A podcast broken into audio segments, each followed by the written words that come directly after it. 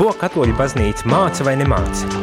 Klausies priesteru katehēzi katru darba dienas rītu pulksteni 9 vai atkārtojumā 11. vakarā.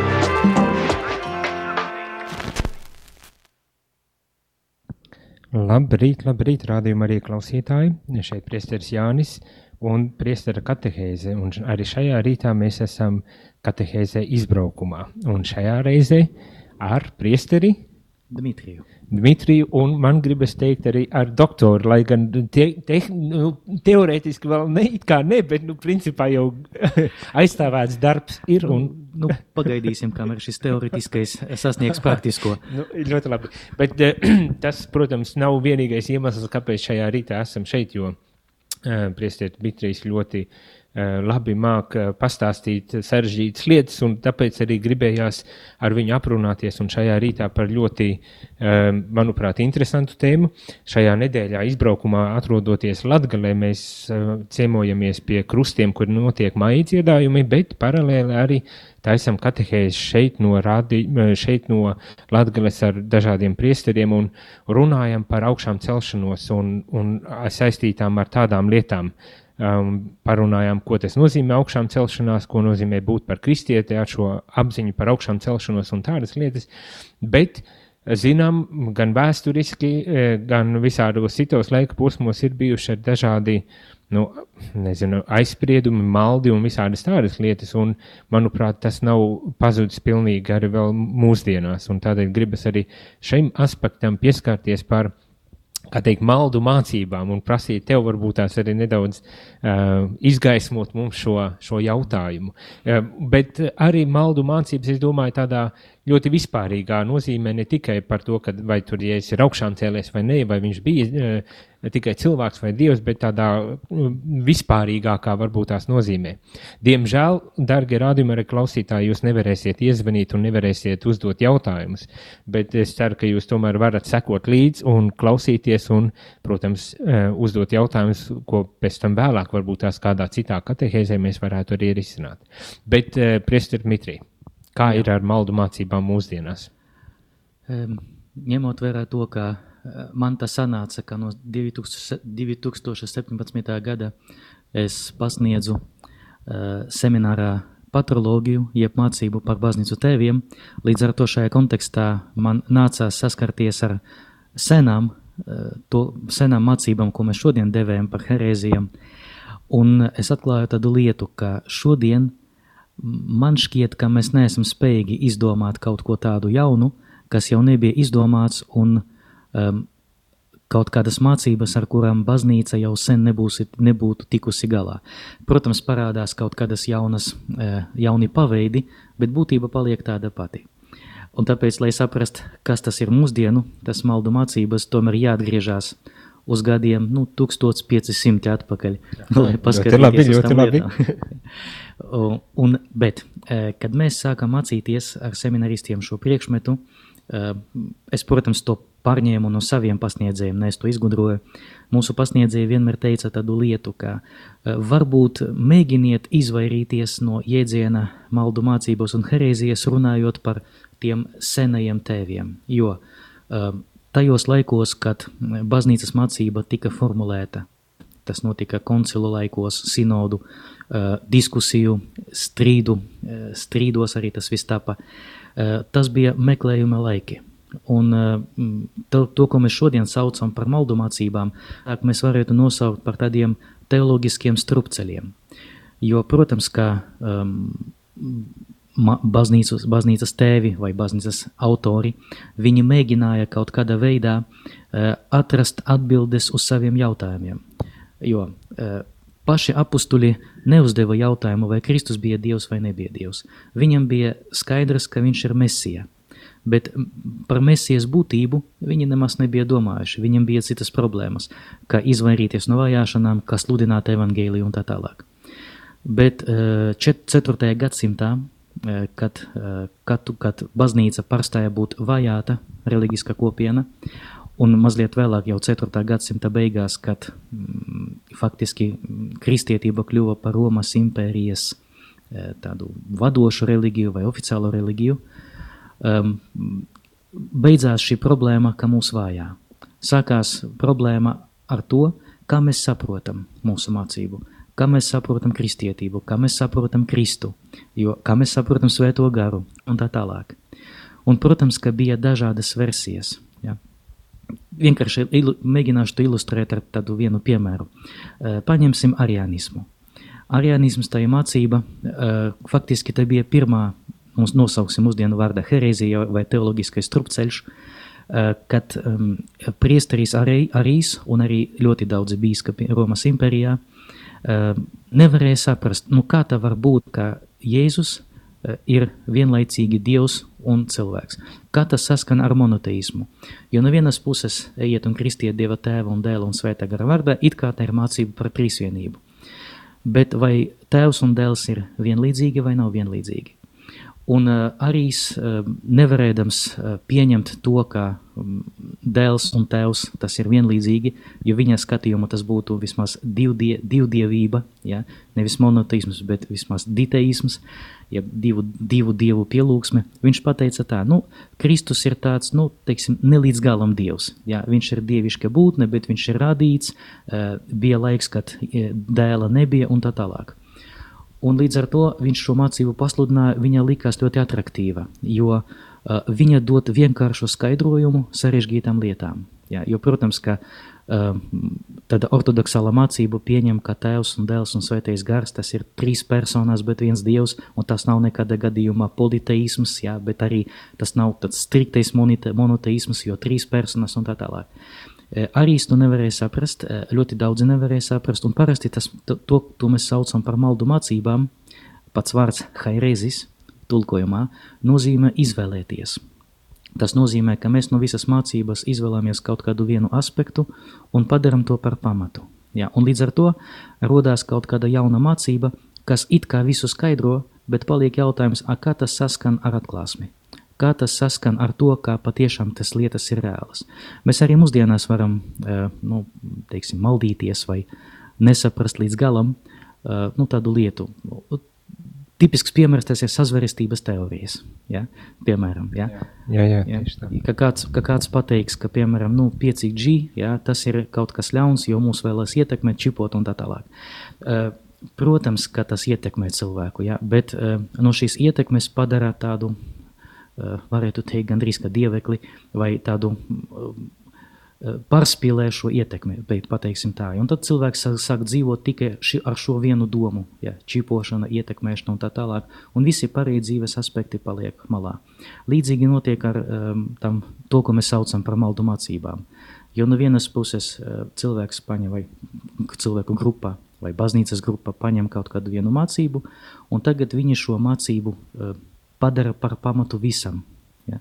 Un tā ir problēma, jo kur tad ir tas pareizais? Ja? Jā, jā. Bet uh, varbūt tās eh, daudzas lietas interesantas uh, pateici, bet tagad es tā klausos, nu, tu saki, ka varbūt tā sākotnēji tos baznīcas tēvus, kur tur meklēja un mēģināja formulēt to mācību, to nevarētu uzskatīt par tādiem nu, īstiem maldiem, kad tas vairāk meklējam, bet tad vai mēs nevaram ar mūsdienās katru individuālo tādu meklējumu uzskatīt, nu, ka viņš meklē vienkārši un nevis maldās, mani? Un mūsdienās ir daudz tādu meklētāju tādā gadījumā.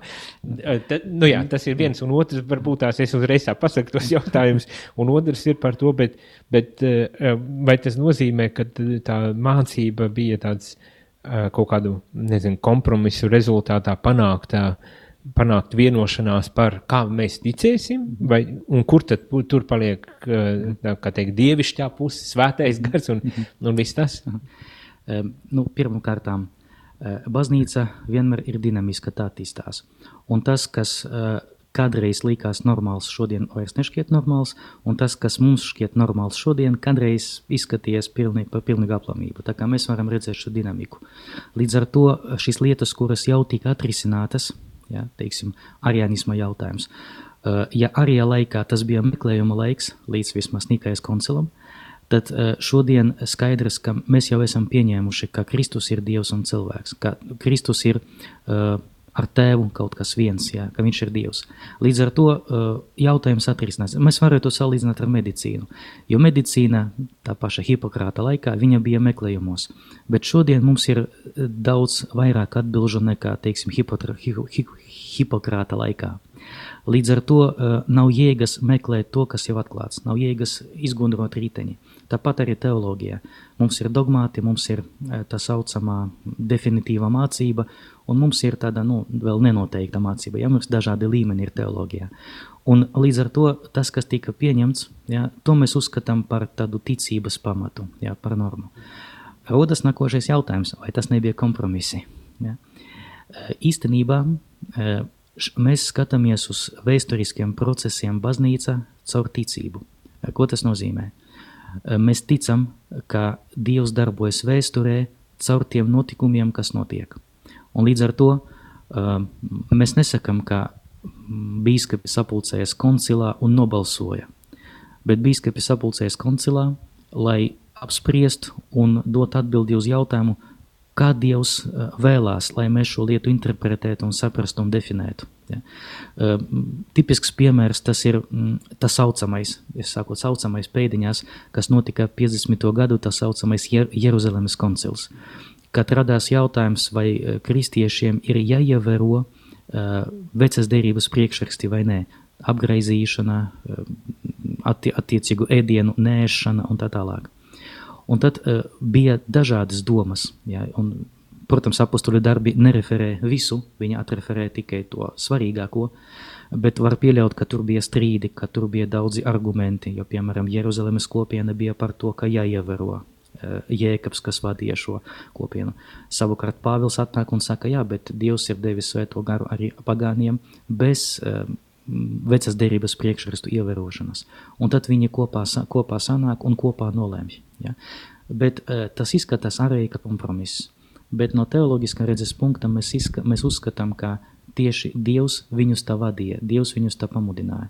Jo, ja cilvēks ar labu gribu tiešām uzdot jautājumu, vai tas ir manas ambīcijas, vai es meklēju Dieva gribu, tad Dievs noteikti paņemšu pēdiņas atsaucās. Ja? Un tajā Jeruzalemes koncilā viņš atsaucās un parādīja, ka mēs sapulcējamies, parunājam, nospriedām, kā saka Pāvils, es, mēs un svētais gars. Ja? Vai, vai Pēters? Nē, vienmēr sakot, tas svētais gars darbojas arī caur šo cilvēcisko sarunu un diskusiju mm. rezultātu. Un... Jo, ja, ja bez baznīcas uzskatām, ka Jēzus mistisko miesu ja faktiski Jēzus iemiesošanos šajā pasaulē, tad noteikti jā.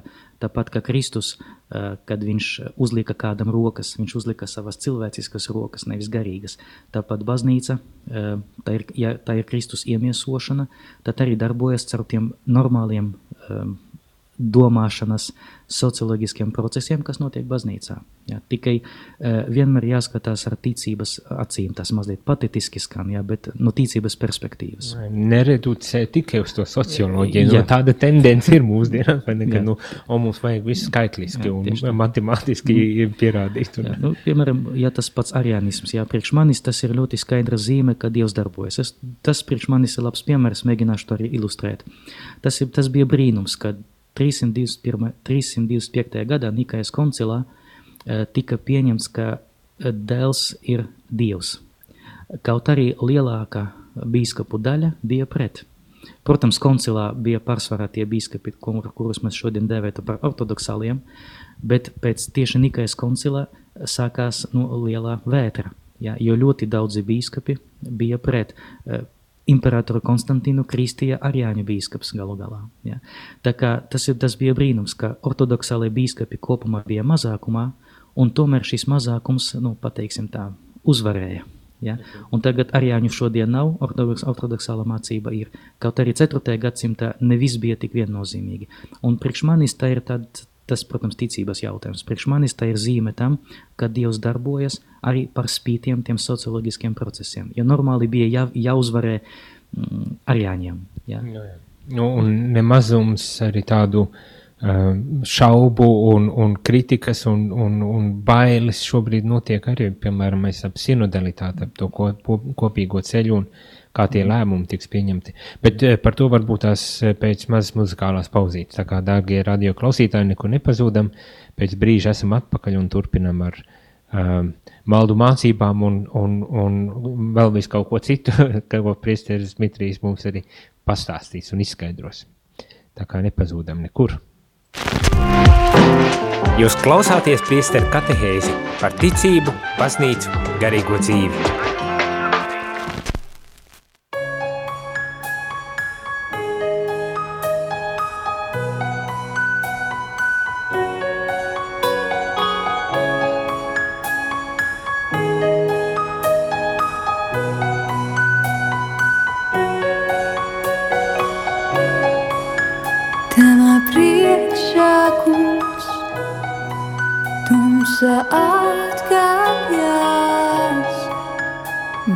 Manas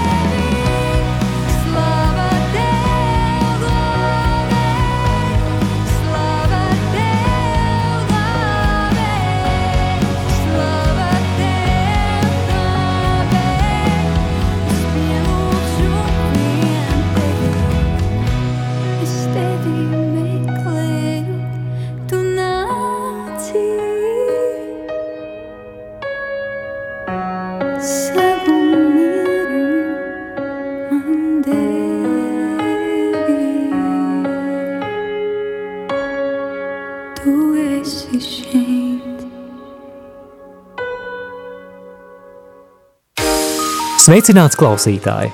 Ja tu dzirdi šo aicinājumu, visticamāk šī radiostacija tev ir kalpojusi stiprinot ticību un palīdzot ikdienā iet kopsolī ar baznīcu. Tas ir bijis iespējams pateicoties daudzu brīvprātīgu pūlēm un klausītāju ziedojumiem. Aicinu tevi iesaistīties Radio Marija Latvijas misijā, ziedojot radio pastāvēšanai. Tikai tā šī radiostacija varēs turpināt kalpot dievam un cilvēkiem arī turpmāk. Mēs zinām, ka daudziem no mums šis laiks ir izaicinošs arī finanšu jomā. Tomēr katrs ziedotais cents Radio Marija darbībai ir ieguldījums tajā, kas ir nezūdošs. Lielas paldies par katru ziedojumu! Lūdzamies jūsu nodomos ar apakstuļa Pāvila vārdiem, lai Dievs dod jums visādu žēlastību, ka jums ar vienu ir pilnīga iztikšana un vēl pietiekoši pāri paliek labiem darbiem. Labrīt, labrīt, rādījumā arī klausītāji šeit priesteris Jānis Meļikovs un, Dimitrijs. un priesteris Dmitrijs eh, šorīt, šajā rītā, kad runājam, em, priesteris Dmitrijs mums eh, izskaidro un, un paskaidro par maltu mācībām un tādām lietām. Varbūt tās uzreiz neasociējas ar lieldienām, bet es tā domāju, jā, mēs par lieldienu eh, garu kaut kādā mērā drusku jau parunājamies, tagad vajag arī par tādu otro pusi, kas varbūt tās tiek atstāt novārtā, bet nemazāk svarīga, lai saprastu, kā tad mēs dzīvojam šeit. Un tagad uh, norunājam pirmo cēlienu par ariānismu un, un to, kādā veidā veidojusies ir baznīcas mācība, ejot caur tādām sarunām, caur eh, diskusijām un to, kā svētais gars arī tad baznīca ir vadījis pie tā, ka mēs nonākam eh, pie pamatiem, ticības pamatiem, uz kuriem mēs šodien arī balstāmies. Bet uh, gribas drusku cītiņ tā pārcelt uz priekšu uh, mūsu un domājot par sinodalitāti un to, kas šobrīd notiek ap šo procesu, ko pāvests Francisks ir sasaucis arī nemazums kritikas un nemazums mm, dalītas jūtas un domas ir par šo um, um, sinodes procesu, un, un ir arī tādi, kas sauc to par herētisku un, un pilnīgi nepieņemumu uh, procesu. Uh, Ko tu domā par šo? Kas, kā, no tavas perspektīvas, kā tas izskatās? Nu, ņemot vērā to, ka esmu tāds uzticīgs katolis un nevaru būt savādāk, es, to, es tā to izvēlējos. Eh, Bet, eh, eh, ja paskatās uz pašas, uz pašas sinodal- sinodalitātes procesa pamatiem, kas ir tur ir pamats? Ja mēs uzskatām, ka tā ir tāda kopīga vienošanās, tāda demokrātiska balsošana, tad noteikti eh, tas būtu garām. Eh, Es domāju, ka jāpaskatās mazliet savādāk. Eh, Mēs esam varbūt dzirdējuši tādu jēdzienu kā sensus fidei vai sensus fidelium. Tas nozīmē, ka ticības izjūta vai ticīgu kopīga izjūta. Ko tas nozīmē? Ka visi ticīgie kopumā, ka viena baznīca, kas ir vienotība ar eh, Romas bīskapu, ar saviem bīskapiem, nevar maldīties eh, divos jautājumos - morāles jautājumos un ticības jautājumos. Un sinodalitātes process tas ir uh, tieši šīs, um, šīs, uh, šīs paradigmas izte, izpausme. Tas nozīmē, ka no vienas puses uh, pāvests un bīskapi vēršās pie tautas ar jautājumu, kā jūs uzskatāt ja, šajā konkrētajā jautājumā vai šajos konkrētajos jautājumos. No otras puses tas tiek apkopots un arī ne bez lūkšanas tiek skatīts un uh, meklēta atbilde uz jautājumiem, uh, ko Dievs no mums grib šodien kā mums jādzīvo tālāk, kādi lēmumi ir jāpieņem. Jo pasaule attīstās arvien ātrāk eh, nekā iepriekšējos gadsimtos vai iepriekšējos pat gadu desmitos, un līdz ar to baznīcai, um, es negribu teikt, ka jāpielāgojas, jo tas varbūt nav īpaši labs jēdziens, bet baznīcai jāpaspēj līdzi šai pasaulē, ja, jo mūsdienu cilvēkam ir jau citi jautājumi nekā, teiksim, 20 gadu atpakaļ. Ja. Nu, jāspēj noreaģēt uz Jā. jā. aktuālām tēmām vai lietām, kas notiek šobrīd. Jā, un atbildēt uz, uz tiem izaicinājumiem. Nu, konkrēta lieta, protams, sinodalitātes procesā tas nav iekļauts, bet mākslīgais intelekts, neirotīkli un tā tālāk. Mm, Es ten pavisam nesen, mm, lielajā nedēļā, biju tā pajokojies ar GPT chat, ja, un e, uzrakstīju, nu, sagatavo lūdzu īsos prediki lielajai piekdienai. Un nopublicēju krievu valodā tas bija. Un nu, diezgan tā vispārīgi, vispārīgiem vārdiem, bet nu, īstenībā ne īpaši daudz atšķiras no baznīcas, no tā, ko mēs dzirdam baznīcā. Es domāju, ka pašā sinodalitātē, kas tagad sinodē, kas notiks Romā oktobrī, es domāju, gan jau, ka tas arī parādīsies. Varbūt parādīsies, jā. Bet katrā ziņā tas drīzāk neiet runa par to, lai mainītu baznīcas mācību. Iet runa par to, kā mēs ar šo mācību varam dzīvot šodien. Ja? Jo mūsdienu izaicinājumi ir savādāki nekā apstuļu laikos, nekā baznīcas tēvu laikos, nekā viduslaikos. Un līdz ar to tas parāda, ka, tas parāda, ka baznīca dzīvo, ka viņa attīstās. Jo, un tas, ko tu arī saki, uzreiz manī tā paņem uz to, ka ā, tā tad ir kaut kāds ticības kodols, uz kā mēs Jā. Balstamies, no kā tad mēs arī izdarām secinājumus par, mu- kā- par to mūsu dzīvesveidu vai, vai, vai morālo kaut kādu stāju, ka, kas būtu jāieņem mums kā kristiešiem, kad no tā tad izriet. Bet varbūt tās uh, var arī, es saprotu, ka tas ļoti ātri uzreiz uz sitiena, tā lieku zem, zem sitiena, vai ne? Bet kas tad ir tas kodols, uz kā mēs balstamies un, un ko mēs nevaram izmainīt, un kas ir tas, kur mums nevis mainīt, pat ne mainīt, mm bet kur, kur, kur ir tā, tā, tās lietas, uz kā mēs balstamies, risinot jaunās un pat nebijušās lietas. Tas pats uh, mākslīgais intelekts, nu, taču, ja jūs laikā nebija, bet tas nenozīmē, ka mēs nerisinām tagad tos jautājumus vai problēmas, izaicinājumus, ar kuriem saskaramies. Tad Kas ir kodols un kādā veidā mēs E, Pirmkārt, kodols ir atklāsme, bet ar, be- bet ar to atklāsmi ir problēma. Jo um, nav tā, ka Jēzus bija sarakstījis kaut kādu vienu grāmatu, kurā viss ir pateikts un viss noteikts. Um, viņš pats ir atklāsme. Ja? Līdz ar to, uh, ja mēs runājam par atklāsmi, mēs nerunājam par tādu informācijas klāstu, ka, kur ir atbildes uz visiem jautājumiem, tagadējiem un nākot, nākošajiem. Drīzāk atklāsme ir, tas ir attiecības. Es tādu definētu. Protams, tas ir vienkāršojums, jā, bet un, ja mēs runājam par uh, baznīcas mācību, kā jau teicu, mums teoloģija ir vairāki līmeņi, un, piemēram, uh, dogmāti, jeb uh, ticības patiesības, viņas ir formulētas balstoties uz uh, atklāsmes. Piemēram, ja mēs paliksim pie tā paša arianisma, mēs varam lasīt jaunas derības tekstus, piemēram, Jēzus saka, es un tēvs esam viens. Un tas ir pret arianismu. Bet, piemēram, ariāņi var pateikt, jā, bet ir taču pateikts, ka neviens nezin to pēdējo dienu, ka tikai tēvs. Tas nozīmē, ka dēls jau ir zemāks. Jā. Un eh, šeit jau var būt strīdi. Jā. Un balstoties uz um, šīs atklāsmes kopumā, jā, baznīca kā ticīgu kopienā attiecībās ar Dievu nonāk pie slēdziena, ka nē, eh, Dieva dēls ir arī Dievs. Jā. Un tā to definē, tā to um, liek kā pamatu, un tādu dogmatu īstenībā nav tik daudz. Jā, viņu nav tur vēl tāds baigi liels saraksts. No otras puses, arī par šiem dogmatiem mēs varam kaut kādā veidā diskutēt, varam viņus reinterpretēt.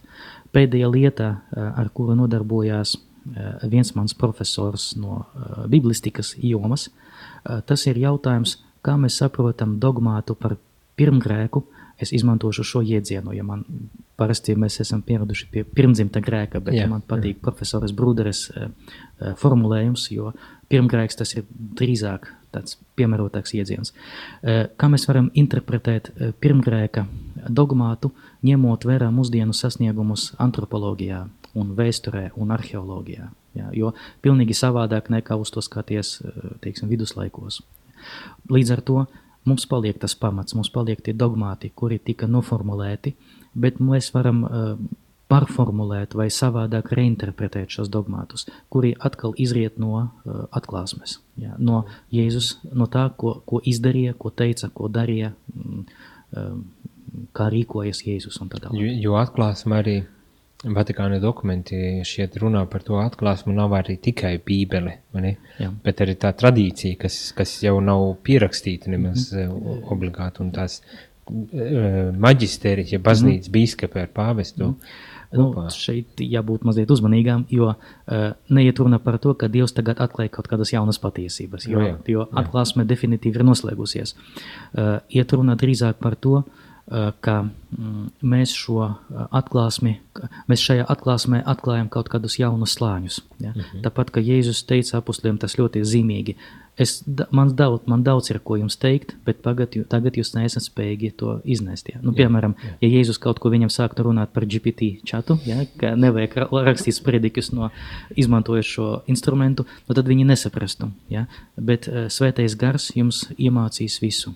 Ja? Un tad viņi, uh, baznīca, uh, to, šo lietu atklāja, atklāja no jauna, ja? atklāja šos jaunus slāņus šajā mācībā. Bet tu pareizi teici, ka uh, atklāsme ir um, daudz plašāks jēdziens, jo um, vienkāršs jautājums, vai svētie raksti un dieva vārds tie, tie ir sinonīmi? Nu, kāds pateiks, jā, bet tomēr nē. Eh, Dieva vārds ir iekļauts svētajos rakstos, ir piefiksēts, piefiksēts pateiks, pateiktu, kodificēts. Jā, bet eh, pats jēdziens viņš ir plašāks. Tas ir viss, ko Dievs vēlēs atklāt, un eh, vēlāk tāpat teksti. Jā, es tagad pateikšu anti-ekumenisko lietu, jā, bet, bet tieši katoliskā uztverē tradīcija ir pirms rakstiem. Raksti izriet no tradīcijas. Jā, līdz ar to nevis otrādi. Jā, līdz ar to, protams, ka atklāsmetrs ir plašāks jēdziens. Ļoti jauki, interesanti. Es skatos, mums tas laiks iet ļoti ātri. Ir pienācis laiks otrai muzikālajai pauzītei. Tad pēc šīs muzikālās pauzes paturpināsim varbūt tās un, un pārliksim jau atkal uz nākošo, varbūt tās tādu tematiku, un kā tad ir ar, ar tādu uh, ikdienišķu, varbūt tās ticības izdzīvošanu, un, un varbūt negribas arī lietot to vārdu maldiem. No otras puses, kad saskaramies ar visādām tādām lietām, kā cik pātriņus jānolūdzas, lai laimīgs būtu, vai, nu, saprotu, par ko domā mani. Tā kā pēc muzikālās pauzes pievērsīsimies arī tādai nedaudz varbūt tās ikdienišķākai uh, izpratnē par uh, maldiem un ticību. Nekur atkal, kā parasti saku, nepazūdam, būsim pēc brīža atpakaļ. Jūs klausāties priesteru katehēzi par ticību, baznīcu, garīgo dzīvi.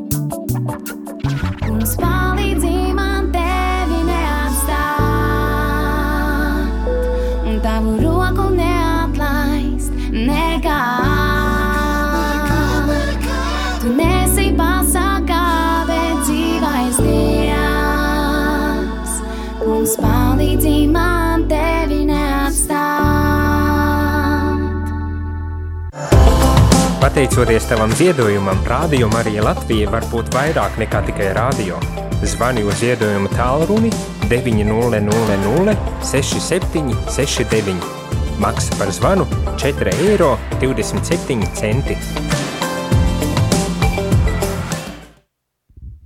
Labrīt, labrīt, rādījumā arī klausītāji. Esam atpakaļ katehēzē. Eh, Es šeit, priesteris Jānis Meļņikovs, kopā ar priesteri Dmitriju no Daugavpils un runājam par maldu mācībām un, un, un jā, ticības izdzīvošanu, ticības vispār eh, veido, formulēšanu, varbūt tās tā, eh, definēšanu, varbūt tās tā labāk pateikt. Un uh, interesants lietas aprunājām, pārunājām, varbūt tās tādas globālākas lietas, bet gribas, uh, gribas arī uh, tā kā norādīt un pateikt, ka tas nav tikai tādi milzīgie teoloģiskie, problemātiskie jautājumi, kas tiek risināti, bet kad tās ir lietas arī, kas mums ikdienā, mūsu ticības ceļā dažreiz varbūt tās arī nu, iezogas un kaut kādā veidā mums iespējams pat dažkārt traucē mūsu ticībai pilnvērtīgi izdzīvot to mūsu ticību. Tad par to, kā mēs mūsu ikdienas dzīvē varbūt tās arī pat neapzināti saskaramies ar vai esam drusku tādos maldos, ja tā var teikt. E, Jā, man šķiet, ka ļoti svarīga lieta ir, ir tāda latīņu maksima. Pēdējā laikā man ļoti patīk tas maksimas. Lex orandi, lex credendi, lex vivendi. Tas nozīmē, ka tā kā es tu, brīvā tulkošanā, tā kā es ticu, tā es arī lūdzos, tā es arī dzīvoju. Līdz ar to, e, runājot par ticības lietām, arī par teoloģiju, mums skaidri jāpasaka, ka šī teoloģija pārliekas uz dzīvību. Jo es tiešām dzīvoju tā, kā es lūdzos un tā, kā es ticu. E, Piemēram, konkrēts piemērs, e, kā mēs Facebookā laiku pa laikam pārsūtām viens otram kaut kādu ikonu vai ikonas attēlu, un tā ir ļoti stipra ikona, un ja tā būs tev uz uh, sienas, tavā Facebookā, tad tev nesīs laimi. Ja? Man vienmēr rodas jautājums, ko nozīmē stipra? Ja? Vai citas nav stipras vai kā? Ja? Un, uh, protams, ka mums uh, brīžiem var likties, ka uh, lūkšana, uh, ticības, uh, mūsu dievbības priekšmeti, uh, mūsu ticības prakses, ka viņas kaut kādā veidā ietekmē realitāti. Un tā ir taisnība. Mūsu ticība ietekmē realitāti. Ja, un, ja mēs lūdzamies, tad tiešām uh, tas var mainīt arī pasaules likteņus. Bet ir viena lieta, ka mums jāizvairās, un tas ir ekstremums, ka tas darbojas mehānistiski. Tādā ziņā, ka uh, eksāmena nokārtošana nemaksā desmit rožu kroņus. Bet tas ir tik ļoti, kā teikt, ierasti, vai ne, kad mm. kā priesteris regulāri mēs sastopamies mm. ar tādām situācijām. Jau pauzē teicu, cik man rūkš, lūkšaniņas vai pāturs jānoskaita, lai atbrīvotos no alkoholismu, vai, mm. vai eh, laimīgs būtu, vai atrastu mm. vīru vai sievu. Nu, visādi šitādas mm. lietas. Tas ļoti, ļoti, un no vienas puses var saprast, cilvēki galu galā mēģina rast risinājumu problēmām vai, vai kaut kādām nu, ciešanām vai tādām lietām. No vienas puses it kā tik, tik cilvēcīgi un saprotami, no otras puses, nu, kur tā robeža galu galā, vai ne? Man šķiet, ka robeža ļoti vienkārša. Es došu tādu piemēru. Vai eksistē kaut kādi skaisti vārdi un žesti, kas palīdzēs iegūt jebkuru sievieti sev par sievu? Noteikti katrai dāmai patīk skaisti žesti, ziedi, em, aiziet uz kino, aiziet uz teātri, aiziet uz restorānu, labo un tā tālāk. Bet vai tas garantē rezultātu? Tas ir jautājums. Jo šeit ir arī otrais slānis savstarpējas attiecības. Tas nozīmē, ka mēs nevaram izvai, izvairīties no tiem skaistiem žestiem, bet viņi nedarbojas mehānistiski. Līdzīgi ir ar mūsu lūkšanu. No vienas puses, e, lūkšana veido attiecības ar Dievu, tas ir arī attiecību izpausme. Bet e, tas nav attiecības starp datoru un datoru. Tas nozīmē, ka ir attiecīga programma, un viņa noteikti darbosies e, jebkuros apstākļos vienādi.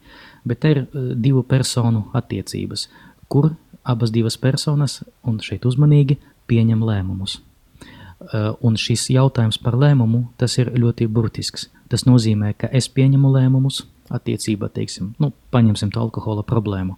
Nepietiek tikai ar to, ka es palūkšos un kāds parastās dzert. Mm, Vai viņš pieņems lēmumu, ka viņš mm, grib to? Protams, ka neuzreiz sanāks, varbūt vispār nesnāks, bet ir lēmums. Un ir otra lieta, ka Dievs es izvairos no tādiem uh, formulējumiem, ka es zinu, ko Dievs grib, jo nezinu. Ja, uh, viņš man nav teicis tikai tas, kas ir atklāsmē, bet noteikti manā skatījumā Dieva vēlēšanās ir iekļaut mūs šīs pasaules vēsturiskajos procesos, šīs pasaules tā, pārveidošanas procesos. Tas nozīmē, ka Dievs vēlās dāvāt kaut kādu žēlastību, bet viņš it kā uzstāda pēdiņas tad noteikumu, ja tu palūksi. Ja? Es tev esmu gatavs dot tāpat ar grēku piedošanu. E, Mūsu grēki ir taču piedoti caur Kristu, bet, lai iegūtu šo piedošanu, mums ir jāpieņem lēmums, ka es eju uz grēksūdzu un lūdzu to piedošanu, ja, ka es atgriežos. Un e, tas notiek arī attiecībā arī uz nu, citām lietām. Um, mans mm, pateikšu tā, garīgais vadītājs, ja, viņš ir priesteris no Ukrainas, ja, un uh, viņš nebija braucis projām, viņš bija palicis, un joprojām šī pilsēta laiku pa laikam tiek bombardēta, es neatklāšu, kur tas nav tik burtiski. Um, uh, viņš arī skaidri teica, ka um, es ticu, ka lūdzoties, uh, mēs esam arī pasargājuši mūsu rajonu no uh, bombardējumiem. Pa, visiem, pa visu šo gadu netika, nu, baznīca tika, nu, netika iznīcināta. Ja, bija tikai tādi skrambiņas uz sienām. Ja. Un es ticu, ja mēs nebūtu lūdzu, lūgušies, tad varbūt būtu savādāk. Bet neiet runa par to, ka mēs pielūdzam Dievu, lai Viņš pasargātu. Iet runa par to, ka Dievs vēlējās, lai mēs kļūtu ticīgāki un atcerētos, ka Viņš ir tuvu mums arī šajos grūtajos brīžos. Tas ir daudz dziļāks, bet iet runa par lēmumiem. Ja. Es parasti saku, nu, ka lūkšana neatceļ tavu atbildību un tavu rīcību. Mm. Ne? Tu lūdzies un, un velti visu tiešām kā tas teiciens tā, ka tas būtu atkarīgs no Dieva, bet, bet no otras puses tev ir arī jārīkojas. Nevari būt pasīvs vai, vai salikt rokas klēpī un, un gaidīt, ka nu kritīs kaut kas no debesīm. Ne? Jo mēs esam Dieva līdzdalībnieki pasaules veidošanā, nevis uh, mehānismi.